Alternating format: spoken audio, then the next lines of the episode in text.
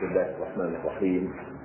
أيها الإخوة الأحباب في الله أحمد الله تعالى إليكم وأصلي وأسلم على رسوله الكريم وأحييكم بتحية الإسلام. السلام عليكم ورحمة الله وبركاته.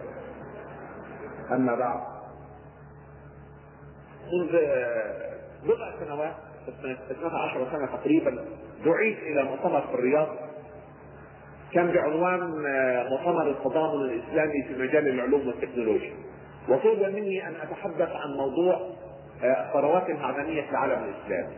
ولم ينشرح صدري لذلك وبعد أن استخرت الله انشرح صدري لأن أكتب في قضية إعادة صياغه العلوم من منطلق العقيدة الإسلامية. فكتبت كيف يمكن أن نعيد صياغه كل هذه المعارف انطلاقا من إيماننا بالله، الإيمان بالله وملائكته وكتبه ورسله واليوم الآخر دون أن نقلل شيئا على الإطلاق من حجم ما بأيدينا من تراث علمي ضخم نحن أولى الناس بحمله. من الغريب أن جئنا وتحدثت في هذا الموضوع في ذلك المؤتمر وكانت الغالبية الغالبة من الحضور من المسلمين الطيبين الحريصين الغيورين على الإسلام إلا أنهم لم يستطيعوا أن يستوعبوا ما أقول حقيقة فقال ماذا تريد؟ أن نعيد أن نريد أن تكتب لنا كيمياء جديدة وفيزياء جديدة ورياضيات ابدا. أنا أقول كل ما في هذه العلوم من نور نحن أولى الناس به. كل ما في هذه العلوم من حكمة نحن أولى الناس به. كما علمنا رسولنا صلى الله عليه وسلم الحكمة ضالة المؤمن أن وجدها فهو أولى الناس به. ولكن إذا كان في هذه الصياغة انطلاقا من خلفية هؤلاء المشركين وهؤلاء الملاحدة في شيء يغاير أصول إسلامية واضحة أساسية لا يجوز لنا ان نأخذ بذلك. نحن أولى الناس بتصحيح ذلك. وحينما نصحح ذلك نحن نصحح العلم ونهدي هؤلاء الضالين ونصحح مسار انفسنا نحن لا ننتقص من قيمة العلم على الإطلاق ولكننا نضع العلم في إطاره الرباني الصحيح. دعوني استعرض لكم شيئا قليلا. هل يمكن أن يكون النظر في الكون سببا للضياع كما يدعي هؤلاء الناس؟ ساصوص فيكم طوفانا سريعا عن الكون وما, وما فيه. ولنبدا بالإنسان. أقول هذا الإنسان السوي في هذه الخلقة الجميلة التي أبدعها الخالق سبحانه وتعالى والذي يتكون جسده من آلاف الملايين الملايين من الخلايا. الإنسان العادي في جسده ألف مليون مليون خلية في المتوسط تتشابه كلها في البناء وتختلف في الوظائف. وتعمل في انسجام غريب تنتظمها آلاف الأنسجة. وهذه الأنسجة تنتظمها تنتظم في في أجهزة في أو في في أجهزة والأجهزة في أعضاء. وتعمل الأعضاء في تناسق غريب.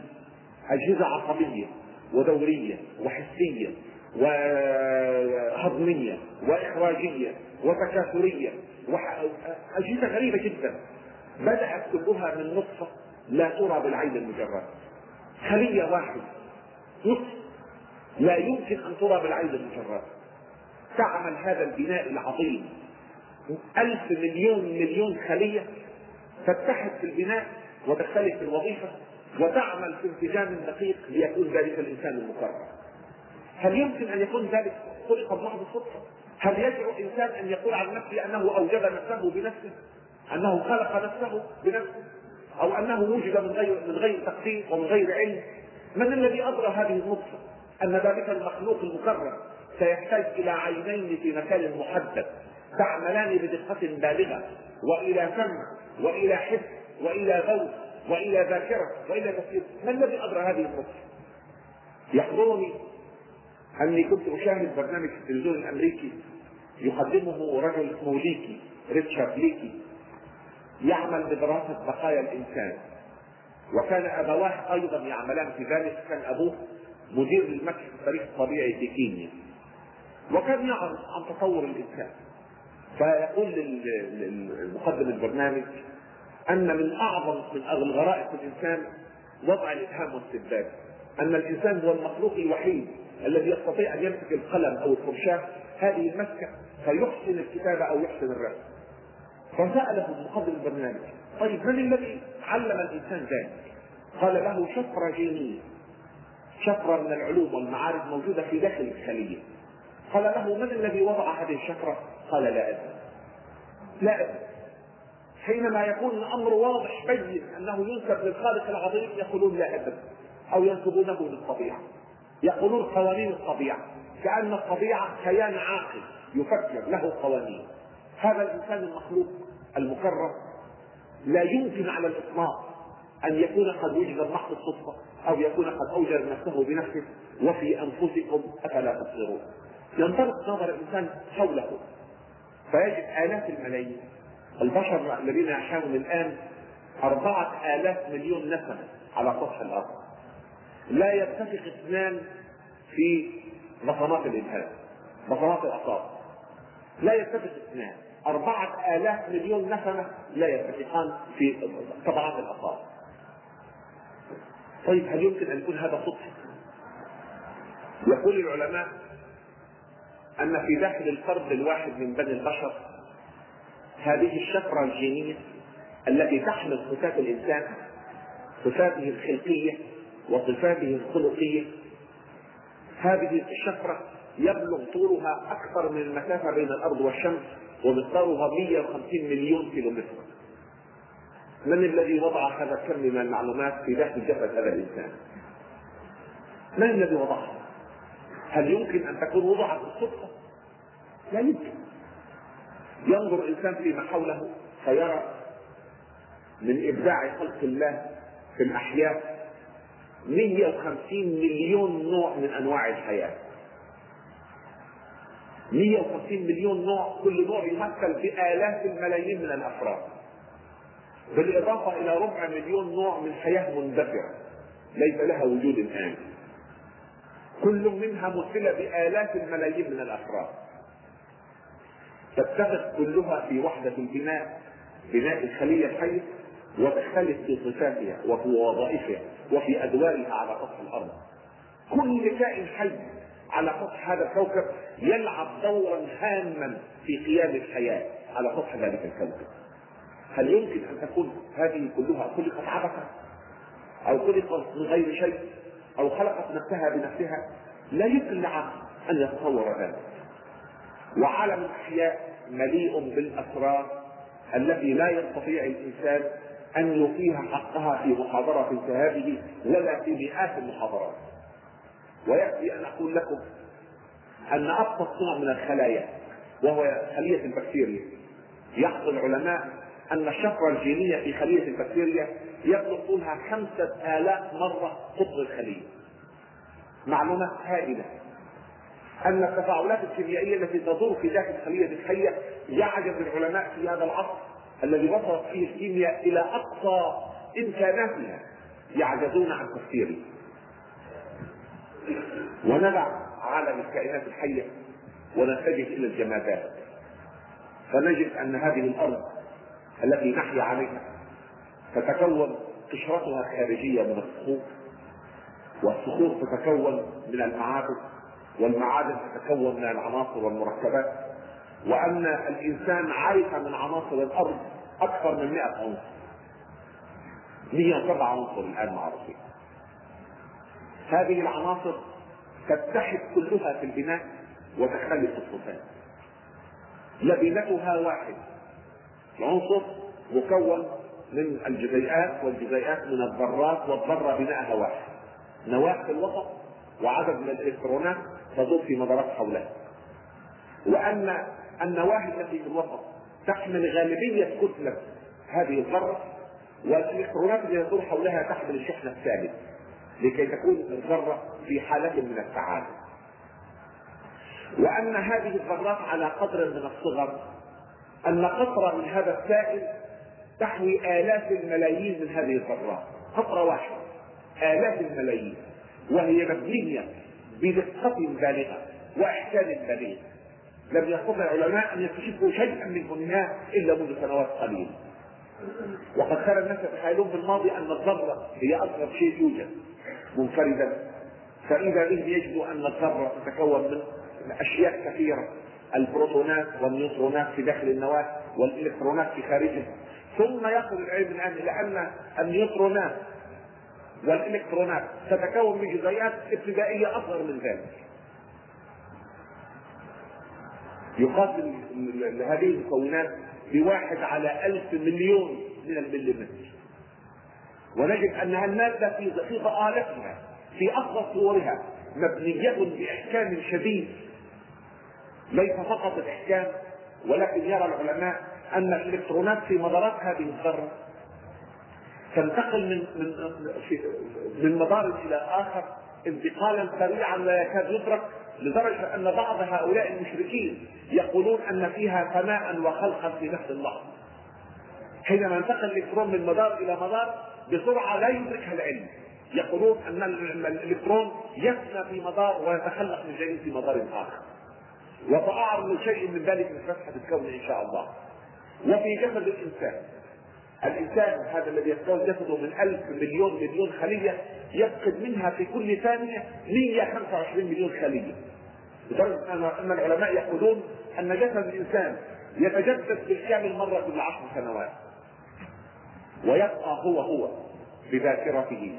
وقدراته العقلية وحواسه ومشاعره وعواطفه لأن الخلايا العصبية لا تتحمل الذي تحمل كل ذلك هذه الذرات التي لا ترى بأكبر المجاهر مبنية بهذه الدقة البالغة فمن الذي بناها؟ من الذي بناها؟ هل يمكن أن تكون فوضى؟ هل يمكن أن تكون أن هذه الذرات وهذه الجزيئات التقت هكذا تقوالب نفسها بنفسها؟ لا يمكن لعقل أن يقول ذلك. لقد بدأ العلماء يرتبون هذه العناصر في جدول دوري فتتكرر فيه الصفات تتضاعف فيه الصفات بطريقة دورية كشفه أحد العلماء الروس منزله اسمه الجدول الدوري للعناصر بحيث أن كل عمود يعمل عائلة تتقارب في صفاتها وتختلف في بناء جسدها. طيب هل يمكن أن يكون هذا فوضى؟ 107 عنصر تنبني كلها بلبنة واحدة وهي الذره وتتضاعف الصفات بطريقة مستمرة. في تعقيد لا يستطيع العقل البشري أن يتصوره هذه المادة في الأرض. ثم نتجه إلى الأرض. فنجد أننا نحيا على كرة أو شبه كرة من الضغط تجد ستة آلاف مليون مليون مليون طن معلقة في الفضاء من الذي حفظها في مكانها؟ من الذي حفظها؟ ستة آلاف مليون مليون مليون طن معلقة في الفضاء لولا رعاية ذلك الخالق العظيم لاندفعنا في جذب الشمس حيث تتعدى الحرارة 20 مليون درجة مئوية فنهلك ويهلك كل ما حوالينا. أو نندفع بعيدا عن الشمس حيث نتجمد جميعا في لحظات. من الذي يرعاها هذه الرعاية؟ هذه الكرة أو شبه الكرة محاطة بالمخاطر من كل الاتجاهات. فنحن نعلم أن لها غلافا غازيا لم يكن بهذا الترتيب عبر الأزمنة الجيولوجية فهذه الكرة عمرها خمسة آلاف مليون سنة ولكن لها بداية يحددها العلماء. ولا بد أن سيكون لها في يوم من الأيام نهاية. يحاول العلماء تقديرها بأساليبهم المختلفة. لها غلاف غازي يمتد يدرك إلى ألف كيلومتر ولكنه لا يدرك بعد ذلك وإن كان مستمرا هذا الغلاف الغازي له تركيب كيميائي محدد. لو اختلف ذلك التركيب شعرة لاستقامت الحياة على سطح ذلك الكون لو زادت نسبة الأكسجين قليلا لكان كافيا لعود ثقاب أن يحرق هذه الأرض. لو قلت نسبة الأكسجين قليلا لما أمكن لإنسان لمخلوق كالانسان أن يتواجد على الإطلاق.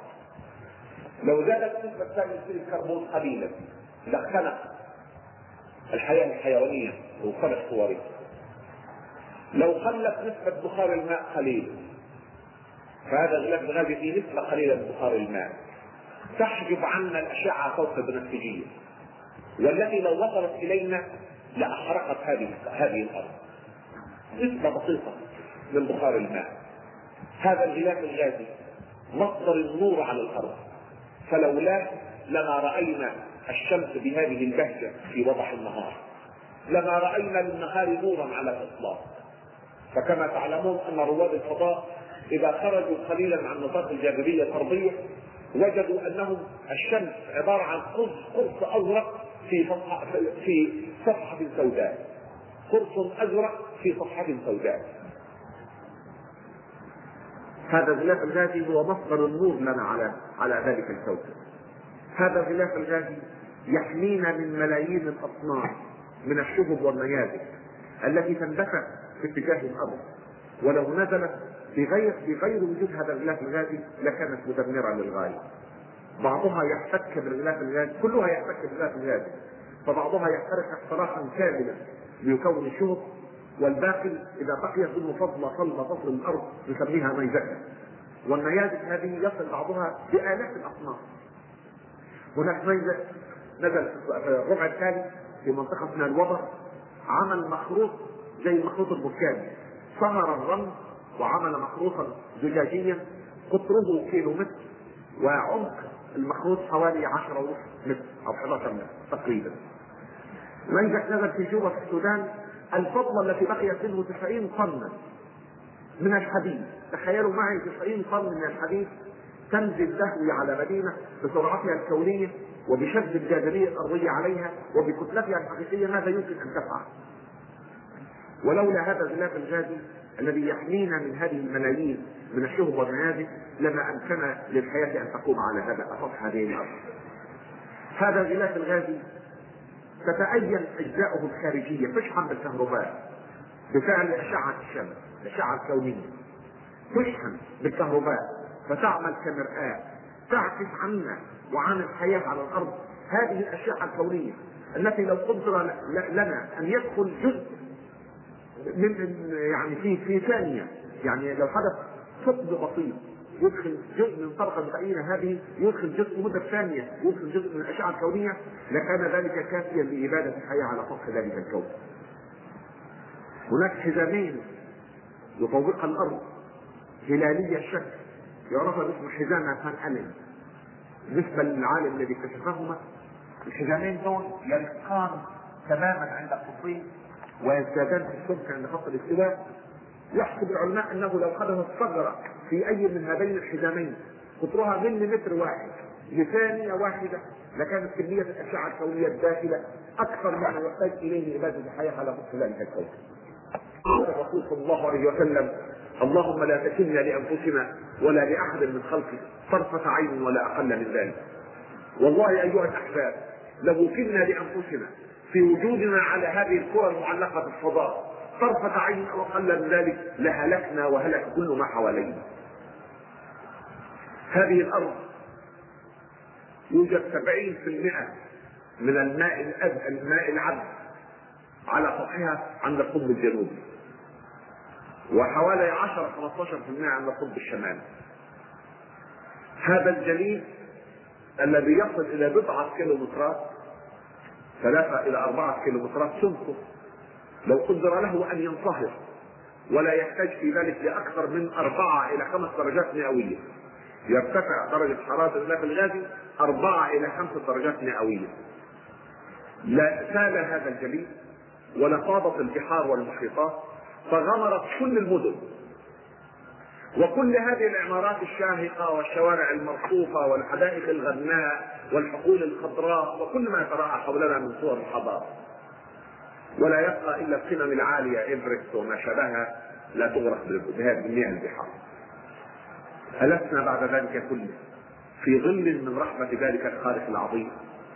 هل يمكن لإن عاقل هل يمكن لعاقل أن يشك لحظة أن كل أمر من أمور هذه الكرة ما عليها من إنسان وحياة ونبات ما فيها من مادة من جزيئات ومن ذرات ما يحيطها من مخاطر هل يمكن أن يكون ذلك إلا برحمة وتقدير من تقدير العليم الحكيم؟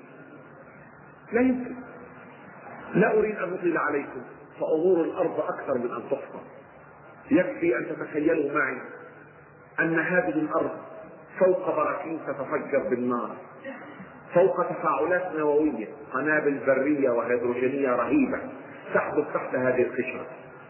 المياه الرطبه والحقول الخضراء والعمارات الشاهقة والطرق المرصوفة تغلي الأرض من تحتها بنار لهيب جحيم. يتفجر في كل لحظة في قدرة القادر العزيز الحكيم أن يفجر الأرض بشق أو بطبع بسيط فترى هذا هذه النيران تتدفق كالأنهار. والذي رأى منكم صورة لفوران بركاني يدرك ذلك بسهولة. كيف أن الطفوح البركانية إذا نزلت إلى مياه المحيطات تجعلها تغلي. وأن هناك شقوق وخضوع في أوساط البحار والمحيطات تتدفق منها هذه النيران بطريقة مستمرة الزلازل البراكين العواصف الرياح كل هذه من آيات الله التي يجب للإنسان العاقل إذا نظر فيها وأدرك شيئا من أسرارها وحركاتها وقدراتها أن يوكل ذلك كله لله وأن يسترحم ذلك الخالق العظيم ألا يغفل عنه ألا ألا تغفل عنه رحمته طرفة عين أقل من ذلك كما كان يفعل رسولنا صلى الله عليه وسلم. نخرج من نطاق الأرض ذلك الكوكب الصغير الذي كان الناس يتخيلون في الماضي أنه كل الكون أو مركز الكون فنرى أن الأرض تستمد حياتها من الشمس. نجم متوهج مضيء بذاته. يحترق بشدة. يتكون أغلبه من غاز الهيدروجين. وغاز الهيدروجين هو أبسط العناصر المعروفة على الأرض وفي الكون عموما. ويتحد غاز الهيدروجين بعملية معاكسة للانفجار النووي. عملية يسمونها الاتحاد النووي أو الانصهار النووي. nuclear fusion يتحد ليكون العناصر التالية له. ذرتين من الهيدروجين تستحيلان لتكون ذرة من الهيليوم وتنطلق الطاقة. وهكذا. ولذلك يسمون الشمس موقد الهيليوم. وكلمة هيليوم يعني غاز الشمس لأنه عرف أول ما عرف الشمس. هذا النجم المتوحد الذي تصل درجة الحرارة على سطحه ستة آلاف درجة مئوية وفي داخله أكثر من عشرين مليون درجة مئوية يفقد من وزنه في كل ثانية أربعة وتسعة من عشرة مليون طنا ويقدر العلماء أن هذا التوحد إلى انطفاء أن هذا النجم المتخذ لابد أنه يسير إلى أن تخبو هذه الجدوى وإذا كان يفقد من كتلته في كل ثانية 14 مليون طن هل يمكن أن يكون هذا النجم إلى خلود؟ أبدا.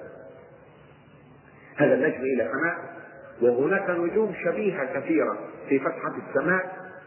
انتهت. تتحول من هذه النجوم المتوهجة إلى ما يعرف بالنجوم البيضاء الحزمة باردة تفقد حرارتها بالكامل. وكان الناس يتخيلون في الماضي أن الشمس هي مركز الكون. فإذا بهم يدركون أن الشمس يدور حولها كواكب عديدة. كل منها يدور حول نفسه فيكون يومه ليله ونهاره. ويدور في مدار حول الشمس ليكون سنته. وأن الكواكب معروفة حول الشمس أحد عشر كوكبا. ومن هذه الكواكب ما له قمر واحد ومنها ما ليس له أقمار ومنها ما له العديد من الأقمار. وبعض هذه الأقمار تتفجر البراكين فيها تفجرات شديدة. اكتشف مصدر الفضاء المسمى فويجر آه، قمر أحد أقمار آه، زحل واسمه إيه ايو آي أو. آه، انه ينفجر منه الكبريت بطريقة شديدة للغايه والكبريت كما تعلمون تتلون يتلون بألوان مختلفة حسب درجات الحرارة المختلفة. وينفجر منه الكبريت بانفجارات غير معروفة. على سطح كوكب آخر لدرجة أن الذين رأوا الصور قالوا هذه جهنم وهم ليسوا لا يؤمنون بجهنم. قالوا كأن رائيها يرى جهنم. فتفجر الثورات البركانية باقي الكبريت بألوان مختلفة الأحمر والبرتقالي والأصفر والأخضر والأزرق والأسود فقالوا هذه جهنم. أحد عشر كوكبا يدور كل منها حول نفسه ليكون ليله ونهاره. ويدور حول الشمس ليكون سنته وتختلف السنين من عطارد إلى السوق أبعدها يبعد عن الشمس ستة آلاف مليون كيلومتر. وكان الناس يتخيلون في الماضي أن ذلك هو كل الكون. فإذا بهم يدركون أن شمسنا وما يدور حولها من كواكب وكويكبات وأقمار ومذنبات وشهب ونيات ليست إلا نقطة متناهية في الصغر في فتحه ذلك الكون الشاهد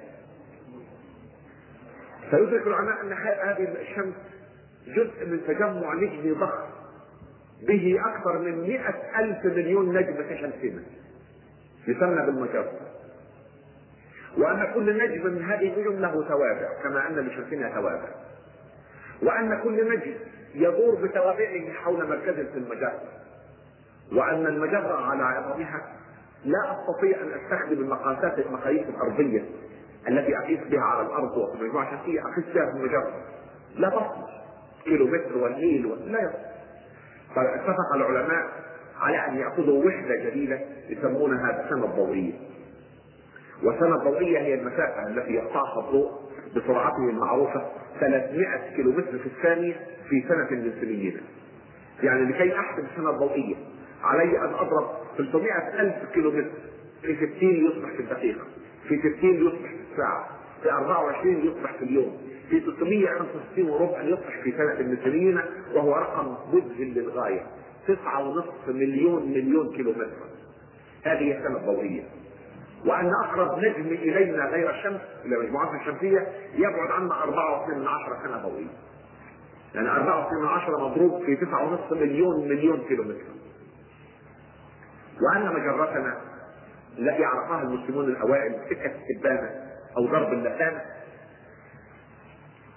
عبارة عن قرص مفرطح يبلغ قطره مئة ألف سنة ضوئية وأن مجموعات الشمسية توجد في أحد أطرافه على بعد عشرين ألف سنة ضوئية من طرفه وثلاثين ألف سنة ضوئية من مركزه. وتخيل العلماء في بدء الأمر أن المجرة هي كل الكون. فإذا بالمقاريب والمناظير تؤكد أن بالسماء من أمثال مجرتنا عشرين ألف مليون مجرة. وأن الكون المدرك الذي يستهدفه بأجهزته المحصورة المتقدمة المتطورة الآن أجهزته يبلغ قطره 36 ألف مليون سنة ضوئية. هذه هي السماء الدنيا لأن القرآن الكريم يعلمنا وزينا السماء الدنيا بمصابيح السماء التي بها النجوم هي السماء الدنيا. 36 ألف مليون سنة ضوئية هذا هو الكون المنظور الجزء المنظور من السماء الدنيا. 36 ألف مليون سنة ضوئية يعني 36 ألف مليون. مضروبة في تسعة ونصف مليون مليون لكم أن تتخيلوا هذه هذا هذا الاتساع بها أكثر من 20 ألف مليون مجرة. بكل مجرة 100 ألف مليون نجم أو يزيد ففيها المجرات مجرات عملاقة أكبر من مجراتنا بكثير وفيها ما هو بحجم مجراتنا أو دون ذلك بقليل كل ما فيها يتحرك كل ما فيها يدور أكثر من دورة. ولا تصطدم ولا تصطدم ولا تنهار. هل يمكن لعاقل أن يتخيل أن ذلك وجد بمحض الصدفة؟ لا يمكن.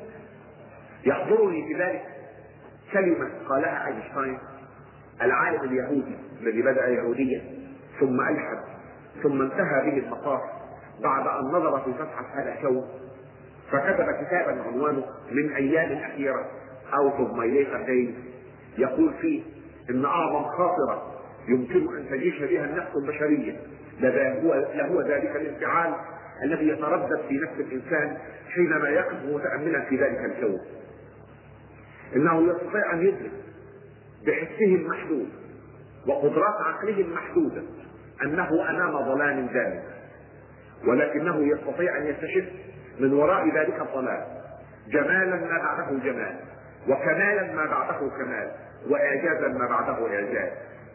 ويقول إن هذا الموقف عندي هو موقف التعبد عند الخلائق. ثم يضيف إن انسانا يحيا في هذه الدنيا دون أن يقف هذا الموقف ولو مرة هو حي ميت لم يعش. لم يرى عظمه خلق الله سبحانه وتعالى. هذا رجل بدأ كافرا. بدأ مشركا. ثم كفر. ثم ألحد. وزاد إلحاد سنين طويلة. فلما نظر في الكون قال هذا الكلام الجميل. عاتبه أحد الصحفيين في مؤتمر صحفي بقول إني لأعجب للرجل الذي الذي حدث الطاقه في معادلة أن يخشى الله. قال له اخرس يا سلمي إني لست ملحدا إني أؤمن بالله.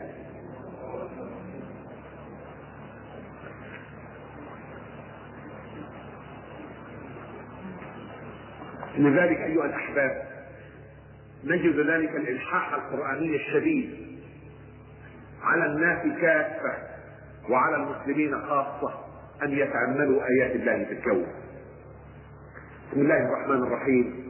إن في خلق السماوات والأرض واختلاف الليل والنهار لآيات لأولي الألباب الذين يذكرون الله قياما وقعودا وعلى جنوبهم ويتفكرون في خلق السماوات والأرض. ربنا ما خلقت هذا باطلا سبحانك فقنا عذاب النار. لخلق السماوات والأرض أكبر من خلق الناس ولكن أكثر الناس لا يؤمنون. والآيات كثيرة. هذا الكون أيها الأحباب ما نظر فيه إنسان نظرة متجرده محايده غير منحازة. لم تؤسس على كفر مسبق أو شرك مسبق إلا وشهد بأنه لا إله إلا الله. هذا الكون الشافع الاتساع المعقد البناء الدائب الحركة المذهل في كل أمر من أموره. كان في الأصل جرما واحدا. واقرأوا معي قول الحق تبارك وتعالى قبل أربعة عشر قرنا وهذه الحقيقة لم تدرك إلا منذ سنوات قليلة. بسم الله الرحمن الرحيم. أولم يرى الذين كفروا أن السماوات والأرض كانتا رتقا ففتقناهما وجعلنا من الماء كل شيء حي. كان جرما واحدا. ويقول العلماء أنه حينما انفجر هذا الجرم الأول تحول إلى سحابة دخانية وأن هذه السحابة الدخانية كان تركيبها غاز الهيدروجين كون عظيم هذا بنجومه وأقماره وشموسه ومذنباته كل ما فيه أصله ذلك الغاز البسيط غاز الهيدروجين اللبنه التركيب المادي للكون. غاز بسيط في الغاية. نواته فيها بروتون واحد ويدور حولها إلكترون واحد. ونسيت أن أقول لكم أن الذرة في ضآلتها والتي لا ترى بأكبر المجاهر مبنية بنفس النظام كبناء المجموعة الشمسية. وأن الخلية الحية في أجساد الكائنات الحية مبنية بنفس النظام الذي تبنى به الذرة تبنى به المجموعة الشمسية. إن دل ذلك على شيء فإنما يدل على وحده ذلك الخالق العظيم. يقول العلماء أنه إذا نظروا في أمر هذا الكون وجدوا أن العناصر تنحل كلها إلى غاز الهيدروجين وأن غاز الهيدروجين أبسط صور المادة يتساوى مع صور الطاقة المختلفة فالمادة والطاقه شيء سواء وثبت ذلك بتفجير القنبله النوويه فإذا تساوت المادة والطاقة وتواصل المكان والزمان. انفرط يحدث هذا الكون إلى سر واحد. إن دل على شيء فانما يدل على وحدانية ذلك الخالق العظيم. يطول بي المصاف إذا تجولت بكم أكثر من ذلك في فتحة ذلك الكون ولكن أريد أن أدلل على أن هذه المعارف أن هذا الكون العظيم آية من آيات الله. تتراءى قدرته وعظمته وعلمه وحكمته وتدبيره ورحمته ورعايته في كل جزئيات من جزئياته وفي كل وحدة من وحداته وفي كل لبنة من لبناته وإذا نظر الإنسان بمعيار العقل وبمعيار البصيرة نظرة مجردة إلى أشياء هذا الكون وجد كل ما فيه يشهد أنه لا إله إلا الله. فهل يمكن أن تكون هذه العلوم مضلة؟ هل يمكن أن تكون هذه الآيات مغطاة على أعين هؤلاء الكفار؟ أقول أيها الأحباب إنها التنشئة التي تلعب دورا رئيسيا في حياة الإنسان يعلمنا رسولنا صلى الله عليه وسلم أن المولود يولد على الفطرة فأبواه يهودانه أو يمجسانه أو ينصرانه أو كما قال صلى الله عليه وسلم فهؤلاء الأمم الضالة الضائعة نشأت على الكفر ونشأت على الإلحاد ونشأت على الشرك. فهي إذا انساقت في هذا المضمار وهي إذا انساقت لا تنساق بدوافع نبيلة كما ينساق المسلم. فطلب العلم عبادة عند المسلم طلب العلم فريضة عند المسلم. ولكنهم يطلبون العلم استعلاء في الأرض وافتراء على الله وتجبرا على على على الخلق. يطلبون العلم ليبنون الأسلحة الذرية والنووية والكيميائية والجرثومية والتي يخدمون منها ما هو أكثر مما يحتاج إليه لاباده الحياة على ذلك الكوكب. هذه البشرية الضالة الضائعه التي انساقت وراء شياطينها. فكتبت المعارك من منطلقات منكرة ملحدة لا تؤمن بإله. كلما رأت شيئا يوصلها إلى الخالق البارئ المصور المصور نسبته إلى الطبيعة. كلما رأت قانونا سنة من سنن الإلهية نسبتها إلى الطبيعة. هروبا من الإعتراف والإيمان بالله الخالق.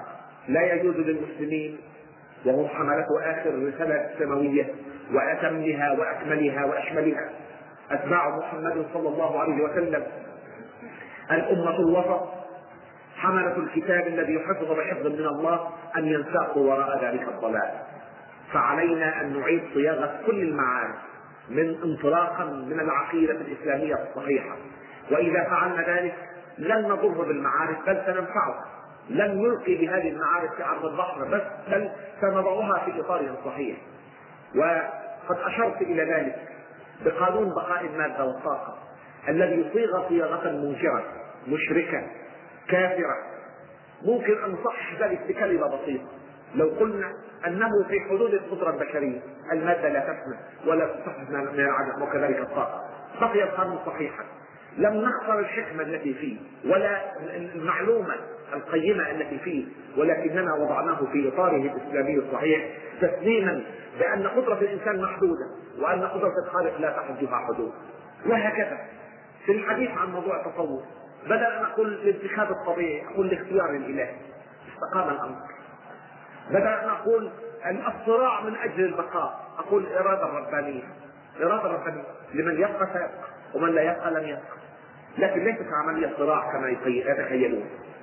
بهذا الاسلوب أيها الأحباب ولا أريد أن أطيل عليكم أكثر من ذلك يمكن أن نعيد صياغة كل المعارف التي بلغت كما هائلا في مختلف مجالات المعرفة الإنسانية انطلاقا من العقيدة الإسلامية الصحيحة وبذلك نكون قد أنصفنا العلم وأنصفنا البشرية الضالة الضائعة التي تكاد تهدد مصيرها بالوجود بضلالها وبعدها عن طريق الإسلام.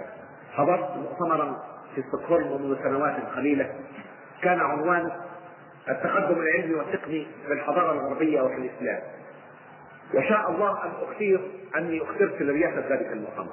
وافتتحه ملك السويد وبعد أن ترك المكان سلمه لي رئاسة المؤتمر ودار الحوار ظللنا أسبوعا نتحدث عن شقاء البشرية بالتقدم العلمي والتقني المعاصر.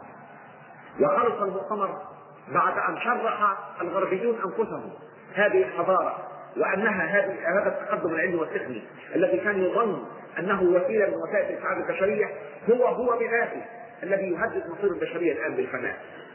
وجلسوا يعددوا اخطار المخزون من الاسلحه الكيميائيه والجرثومية والنووية الأبحاث الهندسة الجينية وما ما ما انحل إليه الإنسان من يعني بلاء شديد لم يرفعه عن البشرية إلا الله. وانتهى المؤتمر إلى قرار حكيم يقولون أنه لا يوجد أمام الحضارة الغربية من حل. فالغربيون ينقسمون أمام ذلك إلى قسمين، قسم يقول هذا قدر البشريه وعليها أن تسير فيه إلى ما لا نهاية حتى لو كان في ذلك فناؤها. خليهم يعملوا قنابل ذرية ونووية هيدروجينية ورؤوس موجهة وطائرات محملة بالقنابل النووية تطوف الأرض كل 24 ساعة وغواصات محملة بالصواريخ النووية جو البحار كل 24 ساعة وأنواع من القنابل الكيميائية الأسلحة الكيميائية والجرثوميه يعني تفوق الخيال هذا قدر البشرية. والنصف الآخر يقول علينا أن نلقي بمعطيات العلوم والتقنية في عرض البحر ويعود الإنسان مرة أخرى إلى الطبيعة يحيا حياة بسيطة خالية من الآلة ومن أي صورة من صور التقدم العلمي والتقني فحينما قلنا لهم إن الإسلام يعظم العلم ويحترم الحكمة ويرى أن كل تقدم ميراث البشرية علينا أن نحافظ عليه ولكنه يضع الضوابط لاستخدام هذا العلم. حلل الحلال وحرم الحرام. وأنه وضع ما يحيي الضمير الإنساني. ويجعل العالم يتردد ألف مرة في أن يجري عملا أو ينتج عملا فيه إضرار بالبشرية. لأنه سيكون عليه وزره ووزر من عمل به إلى يوم القيامة. وانتهوا إلى ذلك بقولهم إن الإسلام يستطيع أن يحيي الضمير الإنساني فيجعل من الإنسان على نفسه رقيبا فيضبط ذلك العملاق الذي انصرف من خمخمه والذي يهدد مصير البشريه يجعل له ضوابط دون أن تفقد البشرية هذه الحصيله الهائلة من العلوم والتكنولوجيا. هذا موقف من المواقف يري المسلمين كم من المسؤوليات ملقاها على عاتقهم. أنتم أيها الشباب الذين أكرمكم الله سبحانه وتعالى بأن جعلكم مسلمين ورباكم في أحضان ذلك الدين وفي هذا البلد الطيب الطاهر الذي هيأ لكم من أمور ممارسة عقائدكم الإسلامية الصحيحة وعباداتكم الصحيحة الشيء الكثير ما لا يتوقع في كثير من دول العالم الثاني الآن ولا أقول ذلك تملقا ولا نفاقا فإن شاء الله أنا لا أعرف النفاق ولا التملق. يعني هناك في هذا البلد من أسباب إقبال المسلم على دينه وممارسة عقيدته وعبادته ما لا يتوقف في كثير من بلاد العالم الاسلامي الآن. عليكم مسؤولية كبيرة. تعلموا ذلك الدين واحملوا ذلك الدين إلى غيركم من الناس فتاخذوا الشيء لا يعطيه وتصححوا مسار هذه الأمة. وأول أسباب تصحيح ذلك المسار إعادة صيانة المعارف انطلاقا من العقيدة الإسلامية الصحيحة. فبذلك صيانة لأبناء هذه الأمة وتصحيح لمسار البشرية ووضع للحكمة في اطاره الصحيح. أسأل الله تعالى أن يجعلني وإياكم ممن يستمعون القول فيتبعون أحسنه وآخر دعوانا أن الحمد لله رب العالمين. والسلام عليكم ورحمة الله وبركاته. بسم الله الرحمن الرحيم. السؤال حول قضية اشتباك العلوم الإسلامية بالعلوم الطبيعية وتأثير العلوم الطبيعية على العلوم الإسلامية. فمثلا الجينات الوراثية وأثرها على الإنسان ونقل صفات الأجداد إلى الأجيال القادمة. فهل يأخذ المسلم بالعلوم الطبيعية ولا يتزوج من أقاربه خوفا من انتقال الأمراض الوراثية كما أثبت العلم؟ أم يأخذ بآراء بعض الاتجاهات الإسلامية؟ فمثلا ذكر في مجلة إسلامية أن الزواج من الأقارب بعيد كل البعد عن نقل الأمراض. فرجاء إعطاؤنا نبذة مختصرة عن موقف المسلم من علم الوراثة بصفة عامة وتوضيح اللبس في هذه القضية. أعوذ بالله السميع العليم من الشيطان الرجيم. بسم الله الرحمن الرحيم. أشكر الأخ الكريم على هذا السؤال الطيب. وودي أن أقول أن علم الوراثة أصبح من العلوم الثابتة التي ليس فيها دخل للقضايا الظنية علم مبني على ملاحظات دقيقة في داخل الخلية الحية. وأن هذا العلم يعني يمكن من أقرب العلوم التجريبية أو الكونية وثوقا وارتباطا بالحقيقة. فيعني العلم موثق واستنتاجاته صحيحة وإذا كان هذه العلوم الوراثية تؤكد على أن الزواج من الأقارب.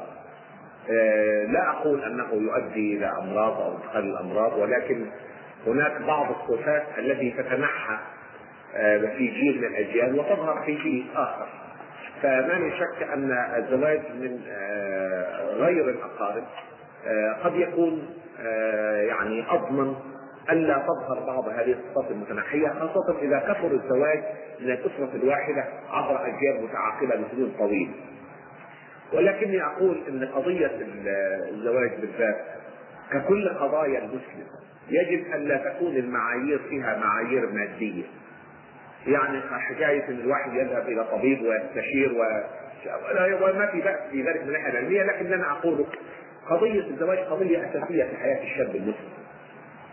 ولا يجوز أن يقبل عليها إلا بعد أن يستخير ويستشير فالاستخارة فيها يعني نور رباني يهدي الإنسان إن كان في هذه الخطوة إن شاء الله سيكون فيها بركة وفيها يعني خير كثير أم لا.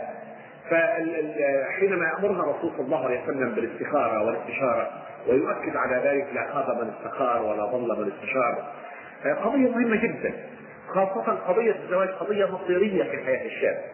يعني المعايير الظاهرة لنا قد يكون الخافي أكبر من الظاهر وكما علمنا الرسول صلى الله عليه وسلم المعايير المادية مرفوضة في هذه القضية. أن المرأة تنكح لجمالها ولمالها ولحسبها ثم يوصي الرسول صلى الله عليه وسلم فاظهر بذات الدين تربت يداه. الصلاة تقوى الله الورع اللجوء إلى الله في مثل هذه القضايا قضايا مهمة جدا. فلا أقول إن الواحد يلجأ لقضايا الوراثة فقط. قد تكون قريبة أفرق من من 100 غريبة. قد تكون غريبة أفرق من 100 قريبة. فاللجوء إلى الاستخاره استخاره بالله والاستعانه بالله في هذا الأمر قضية هامة جدا. ونقطة لاحظتها هنا حقيقة. يعني الأصل في الاحتفالات في حياة المسلم أنه تعبير عن الشكر لله سبحانه وتعالى. يعني التقدم بقربة إلى الله لكي يبارك الله سبحانه وتعالى في هذه الخطوة.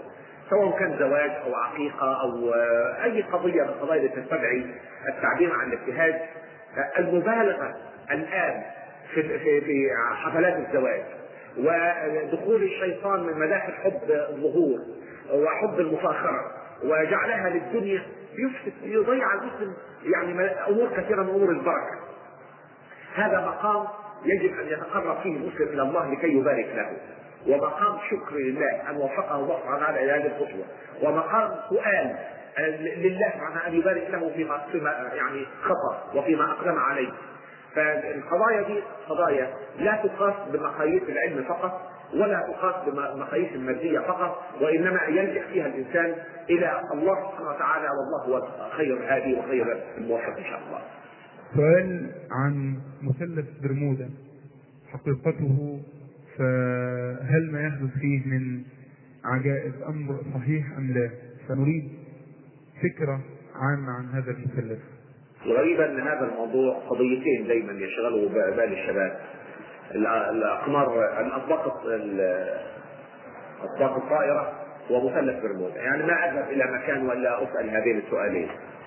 هناك قضايا أهم من ذلك بكثير لكن مثلث برمودا في حد ذاته هي منطقة توجد إلى الشرق من جنوب الولايات المتحده الامريكيه تدرج الآيات الايات في المخاطب المربعه ليست يعني منطقة صغيرة. وهذه المنطقة أيها الأحباب يعني اختفت فيها أكثر من 20 طائرة وأكثر من 50 باحث لاسباب غير معروفه لا يستطيع الإنسان أن يدرك أسباب ذلك. وأنا يعني اذكر أحد الكتب قرأته عن هذا الموضوع أنه في بعد الحرب العالمية الثانية في أواخر 1945 تقريبا خرج سرب من أربع طائرات أمريكية واختفى. يعني لم يسمعوا يدركوا لها الأثر اطلاقا. ثم أرسلوا طائرتين تستكشف ماذا؟ حدث اختفى. أرسلوا طائرتين اختفى وذاكرين أسماء السرب ورقم الطائرة واسم الملاحين اللي كانوا على ظهرها كل شيء. يعني ليس هذا خرافه لأن أنا سمعت بعض الإخوة يعني يكذب ذلك. الظاهرة صحيحة. أما تفسيرها لا يعلمه إلا الله. نفس العلماء لا يدركون ذلك. ماذا يحدث؟ لا يدركون. وهذه من آيات الله في الأرض لكي لا يعني يتجبر الإنسان. الغربيين تخيلوا إنه بشويه العلم اللي وصلوا في الكام سنة الأخيرة دول يقدروا يعملوا كل حاجة. ابدا. هذا بتاع حفره صغيره في البحر بلعت ما يقدروش يعملوا والله قادر على إنه يعني يجعل هذا البحر يبلع كل غواصاتهم ومراكبهم لو أن اتقينا الله حقيقة. يعني أنا كنت اذكر وأنا شاب صغير في سنكم يعني. كانوا بعض الصالحين. من الدعاة إلى الله. في مصر يؤكدون لنا يقول ليش تخافوا من القنابل الذريه والقنابل النووية. رب العالمين فوق ذلك كله. فوق ذلك كله. ففعلا يعني كلما تأملت في الكون وكلما أمعنت النظر في فيما يحدث على سطح هذا الكوكب أدركت أن قدرة الله غالبة. فالذي أقوله يعني مثل مثلث برمودا أو حتى الأطباق الطائرة. هي ايات من آيات الله. لتؤكد لنا أن الإنسان ليس هو ملك هذا هذا الوجود. ابدا. رب العالمين هو الذي يملك كل شيء.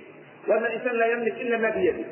وان الإنسان ضعيف. هذا الإنسان الذي يتهدم من جسده في كل ثانية 125 مليون خليه الذي يرى الفناء في ذاته في كل لحظة. يعني ماذا يملك؟ ماذا يملك؟ ماذا يستطيع؟ فلعل ظاهرة كظاهرة مثلث برمودا من الآيات التي تؤكد معنى هيمنة الله سبحانه وتعالى على هذا الكون وما فيه ومن فيه. سؤال آخر. حول تضارب الأقوال في عملية دوران الأرض هناك من يقول أنها تدور وهناك من يقول أنها ثابتة. نرجو الوقوف على الحقيقة في هذا الأمر. أيضا هذا من الأسئلة التي تستعرض كثيرا والذي أود أن أقوله يعني أن بعض الإخوة من كرام العلماء ومن بقية الصالحين وممن نجلهم ونكبرهم ونعزهم. حقيقة قد قالوا بهذا الكلام وهذا كلام غير صحيح. وأنا اتمنى على الله أن يكون لهؤلاء العلماء الأجلاء صفوه المسلمين العايشين الآن ولا نزكي على الله أحدا.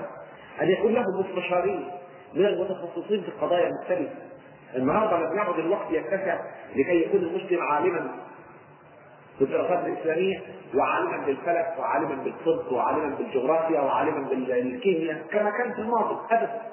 اتسعت دائرة المعارف الإنسانية بشكل رهيب لا يستطيع الإنسان أن يلم بأطراف المعارف والعلم يتقدم بخطى مذهلة للغاية. فآن الأوان أن يكون لهؤلاء العلماء الكرام بطانة منتقاة منتخبة ولا نعدم ذلك. الحمد لله في الجامعات السعودية عناصر مسلمة خيرة قادرة متقدمة في تخصصها تستطيع أن تعطي عطاء جيدا فلو تكون لهؤلاء العلماء صفوة من هؤلاء المتخصصين يستشيرونهم في أمر هذه القضايا الدنيوية لربما كان وضعنا أحسن حقيقة. أما دوران الأرض فعملية قطعية. الأرض تدور والأرض كروية وكل ما في الكون كروي ويدور ولا يوجد في فتحة السماء شيء لا يتحرك. ليس هذا فقط بل إن المجرات تتباعد عن بعضها بسرعات هائلة للغاية. تبلغ 600 ألف كيلومتر في الثانية في بعض الأوقات وأكثر من ذلك بالنسبة للمجرات البعيدة. فلا يوجد في هذا الكون سكون الكل يتحرك ويتحرك بسرعات هائلة مذهلة. وربما كان ذلك صورة من صور الإعجاز في وصف الحق تبارك وتعالى لمواقع النجوم. حينما يقول فلا أقسم بمواقع النجوم وإنه لقسم لو تعلمون عظيم. لا يقصد بس عظم هذه المواقع ولكن أن هذه المواقع تختلف من ثانية إلى أخرى. واننا قد نرى النجم في مكان ما وقد ترك هذا المكان منذ مدة طويلة وأن ضوءه لا يزال يتحرك إلينا من هذه النقطة. فحينما يقول الحق تبارك وتعالى فلا أقسم بمواقع النجوم. منتهى الدقه العلمية منتهى منتهى الاعجاز العلمي. لأنه لم يقل فلا أقسم بالنجوم قال فلا أقسم بواقع النجوم ولها صور إعجازية كثيرة متكررة لعلي تحدثت عنها في محاضره في تدريس تعليم بالدمام منذ شهور لكن أقول أيها الأحباب الأرض كروية ليست مسطحه وتدور حول نفسها دورة تسبب الليل والنهار وتدور حول الشمس دورة تسبب السنة أو تحرك سنتها. فالتشكيك بذلك قضية تقلل من شأن المسلمين تقلل من حقيقة يعني العلم الإسلامي الثاني منذ فترة طويلة وكبار المفسرين المسلمين منذ قرون تحدثوا عن كروية الأرض وعن حركة الأرض. والآيات القرآنية التي تؤكد على ذلك أكثر من أن تحصى أكثر من أن تحصى حقيقة يعني. تأملوا كتاب الله واستفيدوا بما وصل إلى إلى إلى أيدي الناس من المعارف فنحن أولى الناس بها. الحكمة تضل في المؤمن أن وجدناها وأولى الناس بها. فلا أريد أن أسمع هذا مرة أخرى. صورت الأرض من الفضاء وهي تتحرك وهي شبه كرة وقيست أقطارها بمنتهى الدقة ومعدل دورانها محسوب بالثانية. يعني التشكيك في ذلك إنقاذ من العقلية الإسلامية المعاصرة. سؤال حول قضية الخطر الإشعاعي المثار حوله الإهتمام حاليا فما المقصود به؟ وهل تناول أي مادة غذائية مثلا أصيبت بنسبة إشعاع مرتفع يحدث ضررا بالإنسان وهل هناك بالفعل وسائل لانتقال هذا الخطر لشعاع خلال المواد الغذائية يعني هل أثبت العلم ذلك؟ وجزاكم الله خيرا. شكر الله للأخ الكريم هذا السؤال لأن هذه قضية ملحه يعني تجرنا القضية أهم. قبل أن نجيب على السؤال يعني ودي أقول أن آن الأوان للمسلمين أن ينتجوا غذاء أمر معيب جدا. ان إحنا نجلب الغذاء من غير من عند غير المسلمين. حقيقة. يعني كان المسلمون الأوائل يتخرجون من أن يأكلوا طعام كافر أو طعام مشرك يعني صحيح طعام أهل الكتاب حل لنا لكن حتى هذه هذا الحل كانوا ياخذوه بحرج شديد. الآن كثير من دول العالم الإسلامي تعيش وتفطر وتتغدى وتتعشى بغذاء كانوا من بره الذي حدث في تشيرنوبيل مفاعل النووي الروسي وهي آية من آيات الله أيضا. ينفجر هذا المفاعل ويذل هذه هذا هؤلاء الكفار المتكبرين في الأرض وضع رؤوسهم في الطين في الوحل. لأن لا العلم ولا التكنولوجيا نفعتهم بشيء ولا يزالوا يعانون من هذا الانفجار إلى الآن. الانفجار طبعا وصلت آثاره إلى أوروبا الشرقية كلها ولاجزاء كثيرة من أوروبا الغربية خاصة هولندا.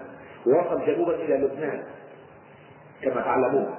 فيعني خطر الإشعاع حقيقة. الله يكفينا ويكفيكم السوء. يعني عمليه الاشعاع عمليه آه، أيضا آية من آيات الله. آية آية كبرى ذكرت أن العناصر كل اللي على وجه الأرض تتحرك تتكون كلها من الجزيئات وجزيء من الذرات. لأن الذرة يزداد عدد الجسيمات فيها بالتدريج الهيدروجين فيه إلكترون واحد وبروتون واحد. لما أصل لمادة زي اليورانيوم وهي مادة ثقيلة جدا.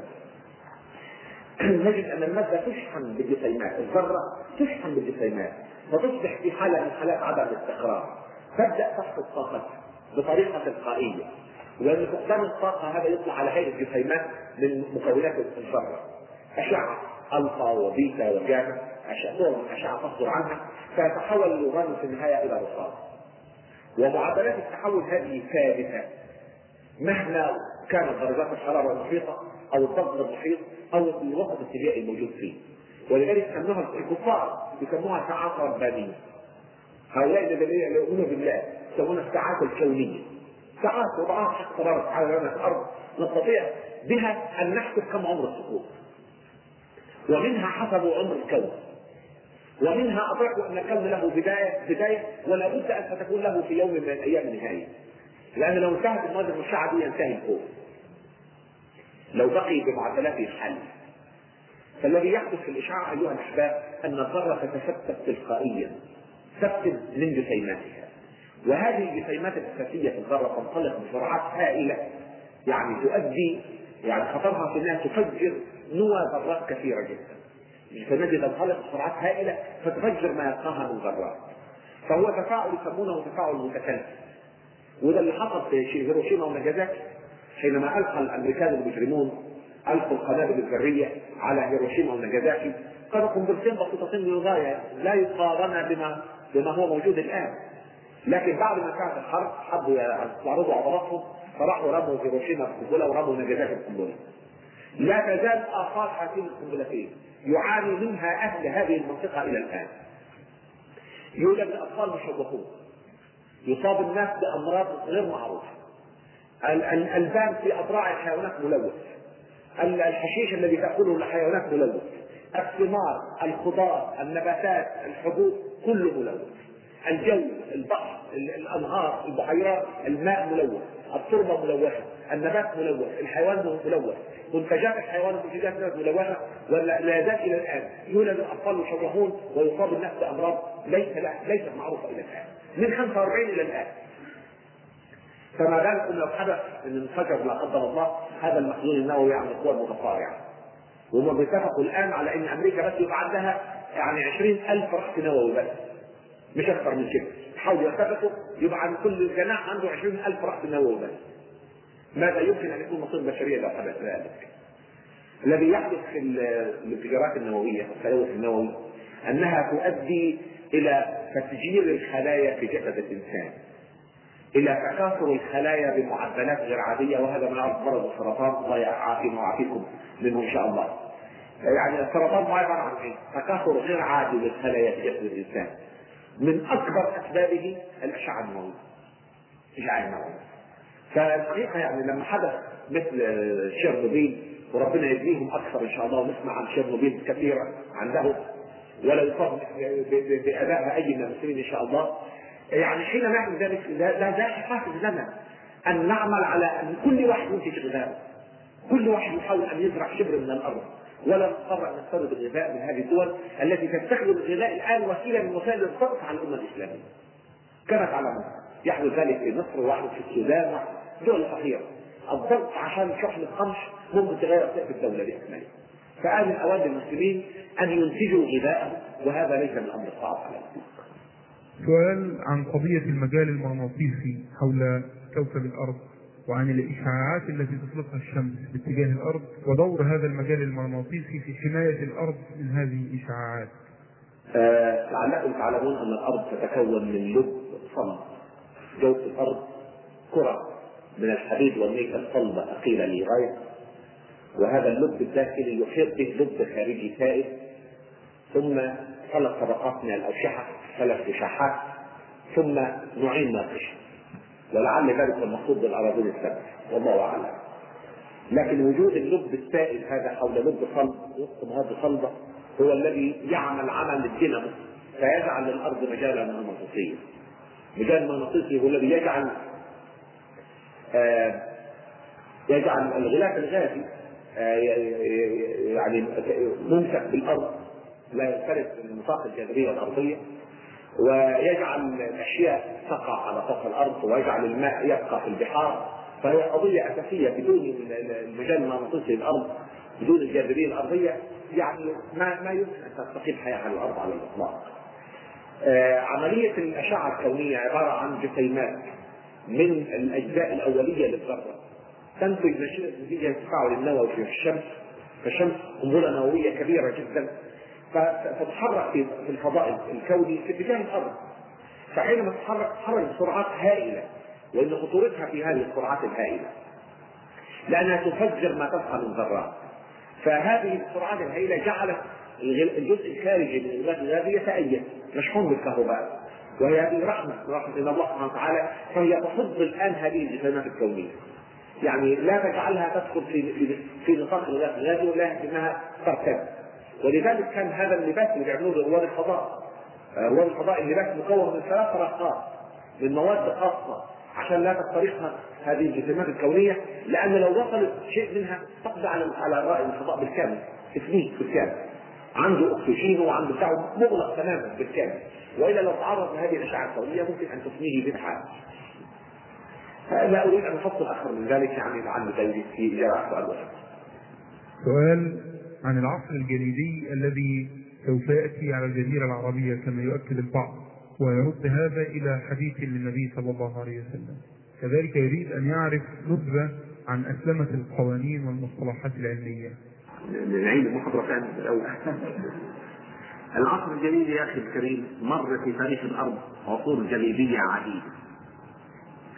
فلدينا مثلا آثار العصر الجليدي في منطقة القصيم ترجع إلى 450 مليون سنة مضت. ولدينا آثار العصر الجليدي في جنوب الجزيرة العربية في منطقة اسمها القدس حوشي وفي جبال الوجيد جنوب السليم بشوية يرجع عمرها إلى حوالي 280 مليون سنة مضت. وعندنا آثار لزحف جليدي آخر زحف جليدي حدث في تاريخ الأرض وهي أيضا من آيات الله كثيرة يرجع تاريخه إلى أقل من 2 مليون سنة. 1.8 مليون سنة مضت. وهذا الزحف الجليدي كيف يحدث؟ العلماء لا يعرفون. يعني بعضهم يقول انه ينفجر جرم كوني فيحدث أشعة الشمس لفترة طويلة تؤدي إلى انخفاض درجات الحراره على سطح الأرض فيتجمد الماء. لكن هو ظاهره تحدث لا نستطيع نفسرها لكنها تحدث. فحينما يتكون الزحف الجليدي يزحف الجليد من القطبين في اتجاه خط الاستواء، إما من القطب الشمالي اتجاه القطب الجنوبي، أو من القطب الجنوبي اتجاه القطب الشمالي، أو من القطبين معا. ومن المعروف إن مكان القطبين يتغير، القطبين بتوع الأرض دول قطبين موظوفيين يتحركان بطريقة مستمرة حتى ينقلبا. يصبح القطب الشمالي جنوبي والجنوبي شمالي وتحدث انتصارات هائله للحياة وهي أيضا من ايات الله. فالعصر الجليد الأخير منذ 1.8 مليون سنة كان الجليد يزحف من القطب الشمالي في خط الاستواء. فتحول ذلك الحزام الصحراوي الممتد من موريتانيا إلى أوسط آسيا. الأرض الهند تحول إلى مناطق مطيره شديدة المطر. وإحنا عندنا هنا في المملكة آثار لسبع دورات مطيره غزيرة للغاية. يعني يمكن إحنا أدركناها من 40 ألف سنة إلى يمكن إلى بعث المصطفى صلى الله عليه وسلم إلى 1500 سنة. سبع دورات مطيرة تتبادل معها ثمانية دورات من الجفاف. كانت هذه الدورات على شد شدة من الإمطار هي التي شقت كل الوديان الهمارات، الوديان العميقة لهمارات أرض المملكة. مش كده وبس. ده حتى منطقة قاحلة تعتبر أشد مناطق الأرض قصورا على الإطلاق زي الربع الخالي. كان فيها أنهار تجري وفيها بحيرات دائمة وفيها خضرة وفيها عمران ليس له نظير. ومن الغريب ان أنا وصلني من شهور نشرة من أمريكا عن طريق أحد الإخوة السعوديين هنا النشرة هذه تقول إنهم إحدى رحلات آه، مكوك الفضاء فلكة إحنا رحلاتي حطوا فيها جهاز رادار يستطيع أن يصور تحت 15 متر من سطح الأرض. يعني يخترق التراب والرمال ويصور ما تحته فصور ذلك المكوك نهرا طوله 1800 كيلو متر.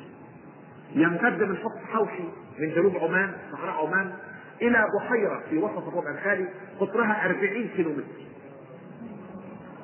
وينتفع من هذه البحيرة ليصب في الخليج العربي ويقول انهم صوروا على ضفاف هذا النهر وهذه البحيرة مدينة كرم التي ذكرها الحق تبارك وتعالى بقوله كرم ذات العماد التي لم يخلق مثلها في البلاد باعمدتها مطموره بالرمال ويقولون أنه من الغريب إن كان فيه اثنين جغرافيين قدامى واحد مطليموس الإسكندري كان أمين مكتبة الإسكندرية آه، في أيام الفراعنة وواحد ثاني اسمه بليني الكبير من علماء الرومان جغرافيين الرومان مؤرخين الرومان القدامى زار هذه المنطقة في أوج نهضته يعني من 4000 سنة تقريبا 4500 سنة. ويقول بليني رسم هذا النهر كما رسمه مكوك الفضاء. تماما لدرجة أن الجغرافيين المعاصرين قالوا هذا خيال علمي مش ممكن الناس دول يكونوا صحيح. كيف الربع الثاني الذي لا يسقط فيه مطر؟ اللي هو أكثر مناطق الأرض جفاف يكون فيه مطر؟